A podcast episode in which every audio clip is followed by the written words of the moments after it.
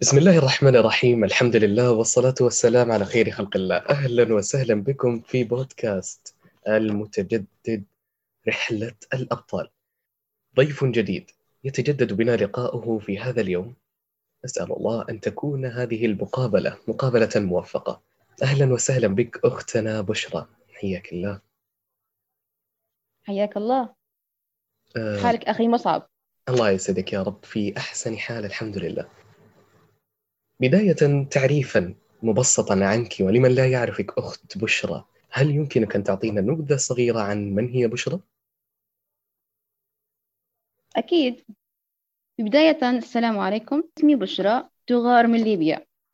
مواليد 95 عمري 25 سنة. تخصصت لغة إنجليزية من 2013 تخرجت منها بامتياز في الثانوي سنة 2013 طبعا كملت سنة 2014 بكلية التربية. طرابلس ولا زلت أكافح من أجل أن أنال درجة الليسانس باللغة الإنجليزية. إن شاء الله نتوفق. يا رب يا رب بإذن سبحانه وتعالى موفقة في مسيرتك الجميلة. بداية ما هي قصة أستاذة بشرى؟ قصتي طبعا أنا مثلي مثل أي شخص يحاول ينجح في هذه الحياة والكفاح لأجل حلم ولو ك... أحلام ولو كانت صغيرة. طبعا في الوطن العربي عموما ما عادش في حاجة سهلة تندار نهائيا. بس يعني باش تعيش مرتاح وهانئ بدون عرقلات طب عليك تحقيق حلمك. فهو من الأشياء المستحيلة. وأكيد كل واحد لما بيجي يحكي على ظروفه وظروف بلاده عنده حكاية خاصة به. ففي ليبيا مثلا أنا كشابة طموحة وعندي أهداف لقيت شبه صعب حتى نوفر احتياجاتي الأساسية بحكم أني طالبة جامعية. ولازم نتعلم الاعتماد على نفسي ونبدأ نتعلم كيف نعيش بحرية والتزام. بس الحمد لله على نعمة الأهل حملوا علي تقل الحياة ولآخر سنة جامعية.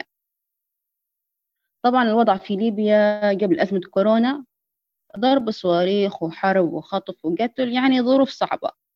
الظروف العامة يعني لليبيا صعبة إلى يومنا هذا رغم توقف الحرب فيها من المعيشة للشاب أو الشابة. وأكيد يعني كنا نعرف أن من المرحلة الجامعية يعني الاعتماد على النفس بدأ تكوينها شيئا فشيئا. لو بنحكي أكثر خلينا نقول لك كيف أثرت الأوضاع العامة على نفسيات الشباب والشابات والناس بصفة عامة. الموضوع كبير جدا مليء بالملفات السوداء. بدأت نفكر كيف نطلع من الحالة هذه. فقعدت يعني والله العظيم من شدة الضغط الوضع يعني في هو بطل العربي بصفة عامة يعني كله يعاني بس خليني أحكي لك أنا على ظروف بلادي من كثر الضغط اللي عايشين فيه هني نبكي أحيانا على وسات ليل يعني ونوض في النهار مرات نفكر شنو ندير. فقعدت يعني هيك مشتتة رايحة مش عارفة كيف نتوجه. قاعدة نفكر في الأيام اللي نوض فيها في الليل ونصلي ونبكي لربي نقول يا ربي طلعني من الحالة اللي أنا فيها وإن شاء الله نلقى يعني كيف ننجح في حياتي. والحمد لله يعني ربي ما تركنيش. هو كله ابتلاء من رب العالمين والحمد لله على كل حال الحمد يليق به سبحانه. بس يجي نهار نبدأ نبحث على الإنترنت أو حتى على التلفزيون كيف نبدأ نشعر بنفسي وبحياتي ونعود لريعان شبابي. يعني العمر اللي فيه ممكن هرمنا قبل أعمارنا. على أقل شيء يعني نشوف حاجة تدفعني لقدام وتحفزني إني نوقف على رجلي من أول وجديد. وطبعا الأوضاع إحنا اللي فيها هناك كمسلمة مؤمنة بالله مش مفروض يعني نستسلم ونقول لا خلاص وحياة مسكرة في وجهي ومكعمز وما ندير شيء ونقعد بس نبكي من غير ما نتحرك. هو صح الوضع مأساوي. ولو نحكي لك شوية والأوضاع يعني نظري إني مش دافع للقنوط أو إني نقعد مع المتخلفين في الحياة. فطبعا لقائي مع قناة ثائر كان جدا غريب. صح كنت نحمل في فيديوهات مؤثرين بس ما شفتش زي ثائر كيف المحتوى وطريقة طريقة إقناع يبحث في النفس إنه فعلا هذا الشخص يبي لك الأحسن وحياة كريمة. وبصراحة في البداية كنت عادية جدا يعني مش مقتنعة به لأن في نظري كأي شخص عنده عنده قناة على اليوتيوب ويحاول يجذب معجبين ومتابعين بس هو في الحقيقة بعد أثبت العكس بعد متابعتي لقناته بكثرة بغض النظر عن اسم المحتوى اللي يقدم فيه تحت اسم مسمى لعبة الحياة بس هي فعلا الحياة لعبة لكن كيف؟ هذا السؤال لقيت إجابته على قناة ثائر حلقة ورا حلقة بدأت نكون في أفكار واضحة شو نبي في الحياة. كان التشتت موجود في داخلي لدرجة الوسواس. أبسط شيء يقعد في يقعدني أو يفركسني أو نحس إني لا شيء بعد مجهود كبير. نبذله مش. باش نحقق أشياء بسيطة زي النوم بكري حفاظ على صلاة الفجر في وقتها. آه نجيب نصفي موادي في الجامعة أو ما شابه يعني. ممكن أنا قعدت جد فترة حتى ندور في شخص إني نشكي له مثلا نقول له مثلا كيف نطلع من الحالة اللي فيها نهدرز له ويهدرز لي.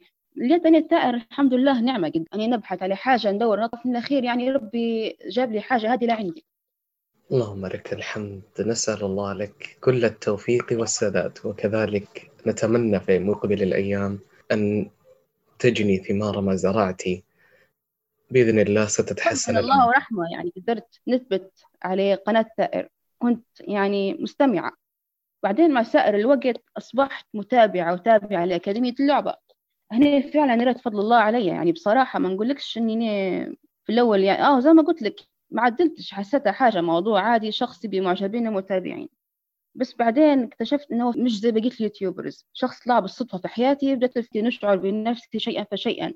خلاني نشوف لي عرقلات الحياة على أنها شيء نواجهوه مش نكعمزوا على خاطره أو ما نديرش عليه حاجة يعني. يعني ما نخافوش نواجهوا الصعوبات اللي في الحياة. وأحيانا خارج أحيانا إنسان يواجه ظروف خارج إرادته. مثلا زي وفاة شخص عزيز عليه مرض حبيبي قاعد أسبوع أسبوعين يقعد يتراكم عليه المهام الأسبوع. لما نفتح أنا قناة تائر مثلا لو نسمع الفيديو من فيديوهاته خصوصا على الفيديوهات اللي متعلقة بالفشل وهيك نلقى في شخص يدفع فيها لقدام إن هذه الظروف ما تخلينيش اني نكعمز باش نقول لا خلاص يعني هذه مهمتي انتهت هنا نكعمز خلاص ما عادش ندير حتى حاجة. فالحمد لله يعني بارك الله فيه اللهم آمين بارك الله فيه وفي جهوده وفي جهود جميع من يقف في أكاديمية اللعبة وكذلك أبطالنا الأشاوس. أستاذة بشرى هنالك كثير من الأشخاص يحاولون تعلم اللغة الإنجليزية. لو تعطينهم نصائح مبسطة يستطيعون حقيقة أن يطبقوها ومن ثم أن يقوموا بتعلم هذه اللغة الجديدة عليهم. طبعا في البداية هو تعلم أي لغة مش حيجي من البداية يعني فلازم تكون زي ما يقولوا رحلة الألف ميل تبدأ بخطوة صح ولا؟ بالفعل. في أشياء إحنا مثلا كمثلا كشخص نبي نتعلم لغة وعايشة في بلاد عربية لازم نكون أنا محيط باش نتعلم اللغة اللي نبي نتعلمها. هذه أول حاجة. ثاني حاجة لازم اللغة اللي نتعلم فيها نستعملها ديما. ما نقعدش أنا مثلا كل فترة وفترة نتعلمها وفترة نسيبها. هذه خطأ لأن لازم if you don't uh, use it you lose it.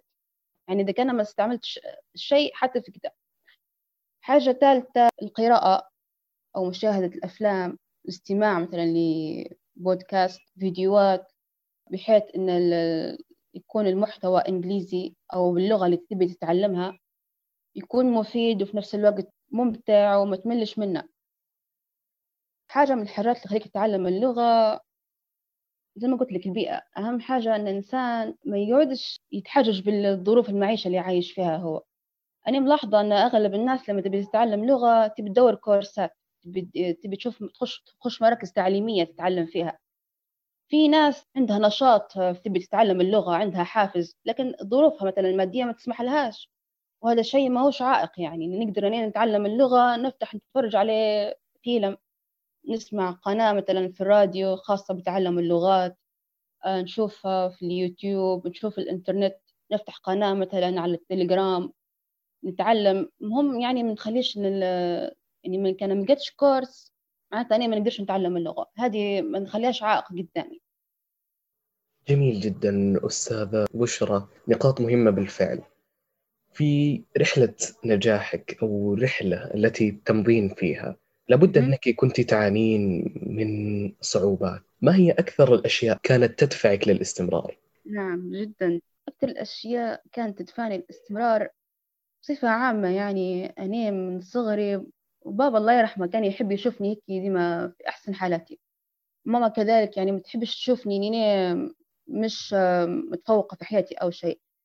الدافع اللي يخليني نستمر في الحياة وإني نكافح ونعيش نحقق أحلامي هم بابا ماما أكثر حاجة يعني يخلوا فيها نستمر لقدام في حياتي. حتى لو في أشياء مثلا أنا صح إنك مثلا تكون في أشياء هم مثلا مش فاهمينها هم قدموا لي كل حاجة يعرفوها وقدموا لي كل حاجة آه، يقدروا عليها. في نفس الوقت يبوا يشوفوني أحسن واحدة فأني هذا بالنسبة لي دافع كبير إني نستمر في الحياة ونكون ناجحة متفوقة يعني في الأشياء الحلم اللي بنحققها صراحة ولا أخفيها عليك أستاذة يعني شيء مؤثر جدا. أن ترى إنسان في قد نقول أصعب المراحل التي أو أصعب الظروف التي يمكن أن تفرض عليك ويحاول أن يكافح. شكر الله لك وبإذن سبحانه وتعالى توصلين لأفضل مما تتمنين. بالنسبة للفشل الذي يقع فيه كثير من الناس ما تعريف الفشل عند أستاذة بشرى؟ تعريف الفشل بالنسبة لي يعني نقول لك ما لا يدرك كله فلا يترك جله. هذه قاعدة في السنة النبوية. حاجة ما نجيبهاش من الأول ما نسيبهاش يعني من ندير شوية بشوية. زي ما قلت لك في الأول رحلة الألف ميل تبدأ بخطوة والحاجة اللي تديرها بشوية بشوية تبنيها بشوية بشوية. لأن أي شيء لما تديره في مرة واحدة حيطيح مرة واحدة لما لحظة الفشل أو لحظة الوقوف. فلازم الإنسان يتحلى بالصبر يتحلى بالأمل يكون عنده إيمان بالله كبير. حتى لو صاب مثلا كسل أو تراخي مثلا وأنا عندي مثلا مهام في اليوم قناة أخي تائر أعطينا هنا مهام اليومية نوض بكري نصلي الفجر وكذا. لو أنا مثلا فاتتني مهمة ما قدرتهاش ما اعتبرش نفسي فاشلة خلاص نكمل بقية التحدي. إني ما عادش ما عادش ندير حاجة في اليوم كله. لا مثلا ما نطش الفجر نتعلم هدف الشخصي نتعلم عليه ندير النقطة اللي بعدها. ما نقعدش يعني نتحجج بشيء يخليني نقعد يخلي عندي لازم يكون عندي إيمان بالله. في نفس الوقت حاجة ما درتهاش كلها ما نسيبهاش كلها. من يدرك كله فليترك جله. بالفعل أستاذة بشرى. بالنسبة لمن يستمع إلينا الآن وهو جالس على سريره أريكته أيا يكن ينتظر أن يصل النجاح له. رسالة لذلك الشخص. رسالة إلى ذلك الشخص. طبعا صراحة هو ما فيش حاجة حلوة تجيك لعندك. إلا إذا كانت أنت سعيت لها قبل وهذا بانت نتيجتها في حياتك. لازم الحاجة اللي تبيها تسعى لها. تبي النجاح لازم تسعى لها. تبي التفوق لازم تسعى لها. تبي التميز في قرايتك في حياتك بصفة عامة لازم تسعى للشيء هو بشي أنت تحصله. فيش حاجة حلوة تجيك لعندك زي ما أنت تبيها لازم تسعى لها. اللي تبيه لازم تمشي له. وحاجة أنت ما اهتمام مش حتعير لك اهتمام. حاجة أنت مش متح... أنت مش مدورها هي مش حتدورك حاجة أنت مش مهتم بها هي مش حتهتم بيك. لو أنا ما اهتمتش بالنجاح النجاح مش حيهتم بيا. لأن الكسول ديما في أغلب أوقاتها وقتها ضايع راقد. فلوسها ضايعاتها لحاجات تافهة.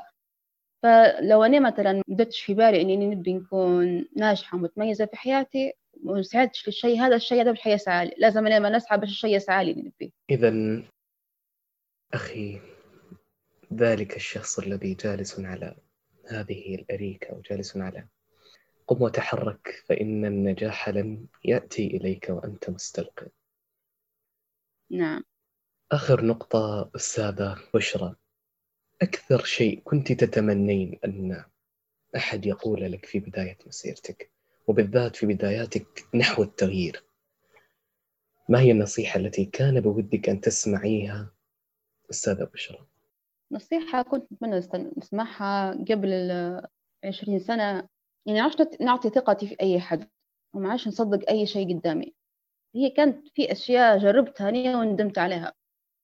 في دعايات وقناة على اليوتيوب سمعت لهم ولقيت هوايات فارغة. كنت نتمنى يعني إني يكون في شخص مثلا يوجهني ويقول لي الشخص اللي يبيلك الخير يجيبك للطريق من غير ما اللي يبيلك الخير لازم آه، يحسسك إنه يبيلك الخير.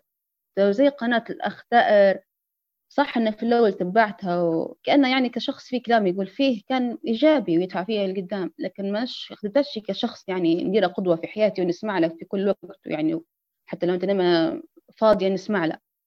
بس نصيحة تمنيت نسمعها إني مش كل حاجة نشوفها قدام عيني نصدقها.